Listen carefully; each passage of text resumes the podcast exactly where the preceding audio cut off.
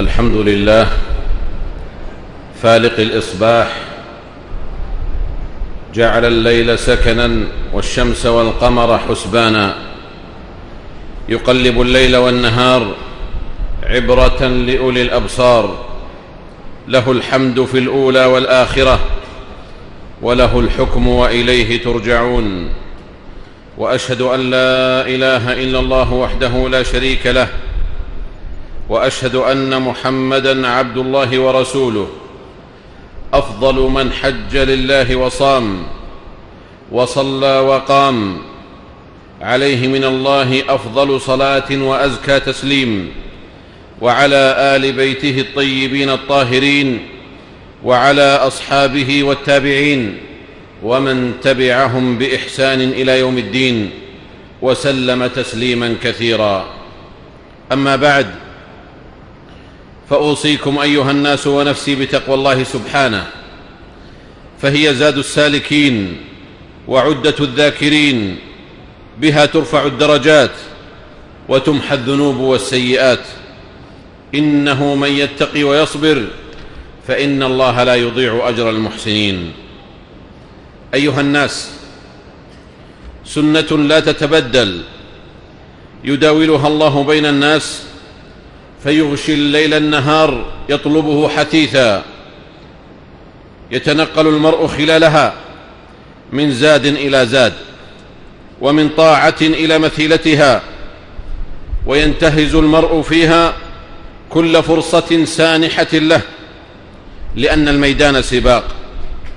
والأوقات تنتهب. وما فات وما فات خير إلا بالكسل. ولا نيل مثله إلا بالجد والعزم. إذ كل الناس يغدو فبائع نفسه فمعتقها أو موبقها.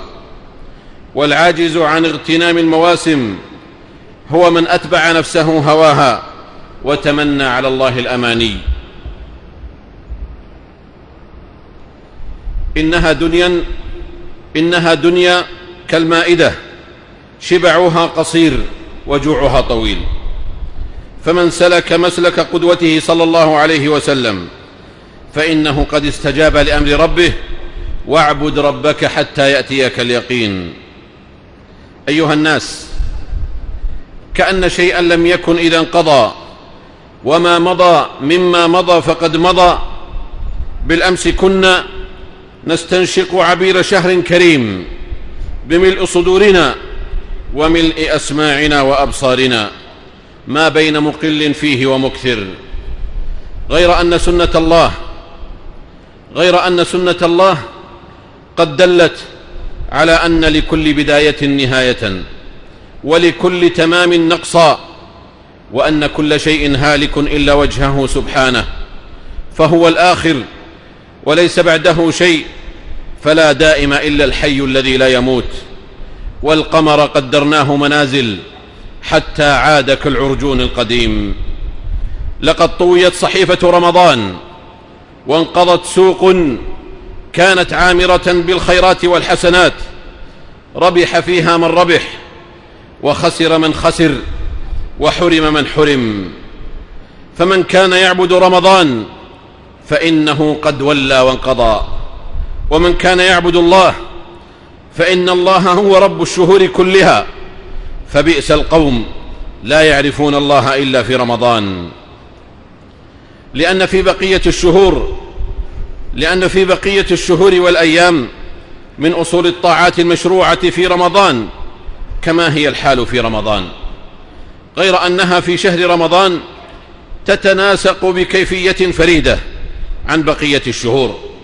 وإلا فإن الصدقة وقيام الليل وصوم النوافل وتلاوة القرآن والتسبيح والتهليل وكل أنواع الجود قد حض عليها الخالق الكريم في غير رمضان.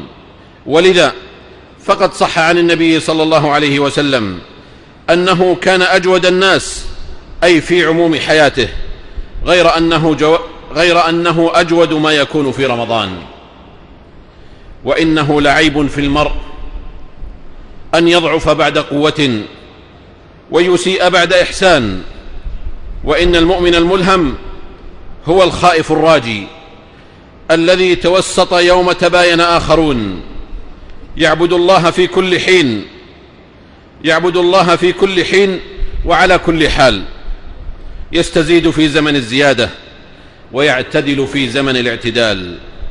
لا يفتر عن الطاعة ويتبع الحسنة الحسنة ويظهر من سلوكه وعمله بعد رمضان ما يشير إلى قبول عمله لأنه زم نفسه عن الحور بعد الكور ولم يقع فيما حذر منه ولم يقع فيما حذر منه الله بقوله ولا تكونوا كالتي نقضت غزلها من بعد قوة أنكاثا فرحم الله امرأ استقام على طاعة ربه بعد رمضان.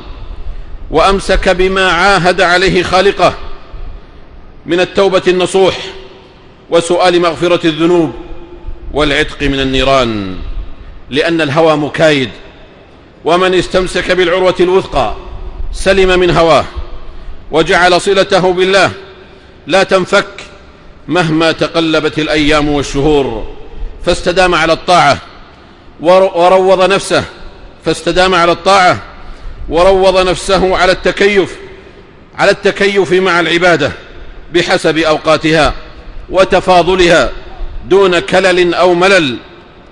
ولئن كانت ولئن كانت الطاعة تحتاج إلى مجاهدة وصبر فإن الاستقامة عليها تحتاج إلى مجاهدة أكبر وصبر أعظم. إن الذين قالوا ربنا الله ثم استقاموا تتنزل عليهم الملائكة ألا تخافوا ولا تحزنوا. وأبشروا بالجنة التي كنتم توعدون. نحن أولياؤكم في الحياة الدنيا وفي الآخرة. ولكم فيها ما تشتهي أنفسكم. ولكم فيها ما تدعون. فيا أهل التوبة استيقظوا. ولا ترجعوا بعد رمضان. إلى ارتضاع ثدي العجز, إلى ارتضاع ثدي العجز والكسل. بعد الفطام. فإن النكسة أعظم. فإن النكسة أعظم من المرض نفسه. وذنب بعد التوبة أقبح من ذنوب قبلها.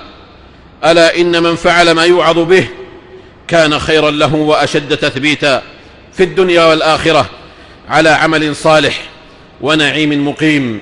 يثبت الله الذين آمنوا بالقول الثابت في الحياة الدنيا وفي الآخرة. ويضل الله الظالمين. ويفعل الله ما يشاء. بارك الله لي ولكم في القرآن والسنة ونفعني وإياكم بما فيهما من الآيات والذكر والحكمة. قد قلت ما قلت إن صوابا فمن الله وإن خطأ فمن نفسي والشيطان وأستغفر الله إنه كان غفارا.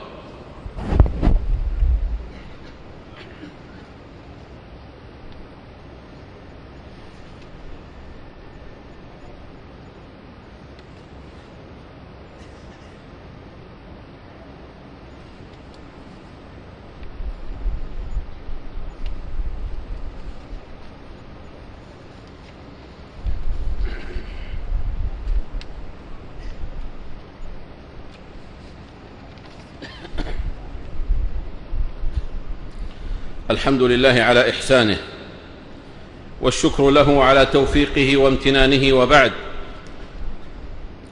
فإن الله جل شأنه قد شرع لنا عيدا فيه فرح وسرور وسعة بعد شهر جد واجتهاد وشد للمئزر لحكمة بالغة يعلمها سبحانه. يتجلى بعض معانيها في أن يعود المسلم نفسه وجسده على تحمل الحياة بفصولها ونوائبها وأنه ينتقل من شهر تسبيح وقيام وقراءة وبكاء وابتهال إلى عيد محبة وفرح وصلة وسعة وسرور.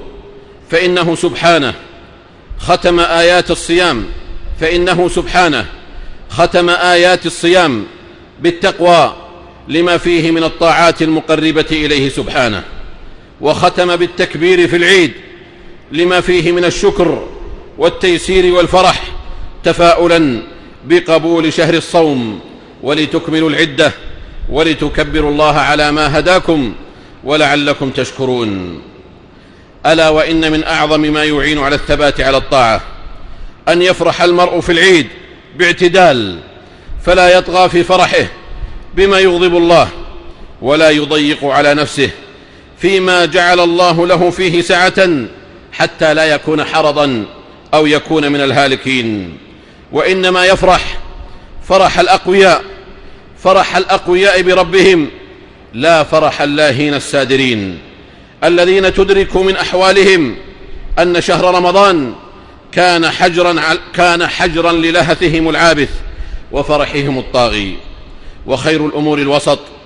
ولنتذكر وصية المصطفى صلى الله عليه وسلم بقوله من صام رمضان ثم أتبعه ستا من شوال كان كصيام الدهر كله رواه مسلم. ألا فلا ينسينكم عباد الله. ما أنتم فيه من عيد وسرور. ما يعانيه إخوان لكم. لم يعرفوا العيد ولا الفرحة ولا السرور. فالشهور عندهم على حد سواء بين دوي القنابل وصروف الحروب المدمرة. لا تغمض أجفانهم إلا لماما. لم يخل بيت فيهم من قتيل أو جريح أو شريد. من فكوا مظلومين حفاة جياعا ضعفاء يفترشون الأرض ويلتحفون الهواء. فالله الله أن تنسيكم فرحة العيد. أحزانهم وآلامهم. فلا تحرموهم عاطفة قلبية بالدعاء ولا عاطفة مادية بالدعم والإغاثة والمواساة. فإن الله في حاجة العبد ما كان العبد في حاجة أخيه. هذا وصلوا رحمكم الله. على خير البرية وأزكى البشرية. محمد بن عبد الله صاحب الحوض والشفاعة. فقد أمركم الله بأمر بدأ فيه بنفسه وثنى بملائكته المسبحة بقدسه وايه بكم أيها المؤمنون فقال جل وعلا يا أيها الذين آمنوا صلوا عليه وسلموا تسليما. اللهم صل وسلم على عبدك ورسولك محمد صاحب الوجه الأنور والجبين الأزهر وارض اللهم عن خلفائه الأربعة أبي بكر وعمر وعثمان وعلي وعن سائر صحابة نبيك محمد صلى الله عليه وسلم وعن التابعين وتابع التابعين ومن تبعهم بإحسان إلى يوم الدين وعنا معهم بعفوك وجودك وكرمك يا أرحم الراحمين. اللهم أعز الإسلام والمسلمين. اللهم أعز الإسلام والمسلمين. اللهم أعز الإسلام والمسلمين. واخذل الشرك والمشركين. اللهم انصر دينك وكتابك وسنة نبيك وعبادك المؤمنين. اللهم فرج هم المهمومين من المسلمين. ونفس كرب المكروبين. واقض الدين عن المدينين. واشف مرضانا ومرضى المسلمين. برحمتك يا أرحم الراحمين. اللهم أصلح أحوال المسلمين في كل مكان. اللهم أصلح أحوال المسلمين في كل مكان. اللهم أصلح أحوال المسلمين في كل مكان. اللهم أصلح أحوالهم في أراكان. وأصلح أحوالهم في فلسطين وفي سوريا وفي مصر. يا ذا الجلال والإكرام يا رب العالمين. اللهم آمنا في أوطاننا وأصلح أئمتنا وولاة أمورنا. واجعل ولايتنا في من خافك واتقاك واتبع رضاك يا رب العالمين. اللهم وفق ولي أمرنا لما تحبه وترضاه من الأقوال والأعمال. يا حي يا قيوم اللهم أصلح له بطانته يا ذا الجلال والإكرام. اللهم اجعل مواسم الخيرات لنا مربحا ومغنما. واجعل أوقات البركات والنفحات لنا إلى رحمتك طريقا وسلما. ربنا آتنا في الدنيا حسنة وفي الآخرة حسنة وقنا عذاب النار. سبحان ربنا رب العزة عما يصفون وسلام على المرسلين وآخر دعوانا أن الحمد لله رب العالمين.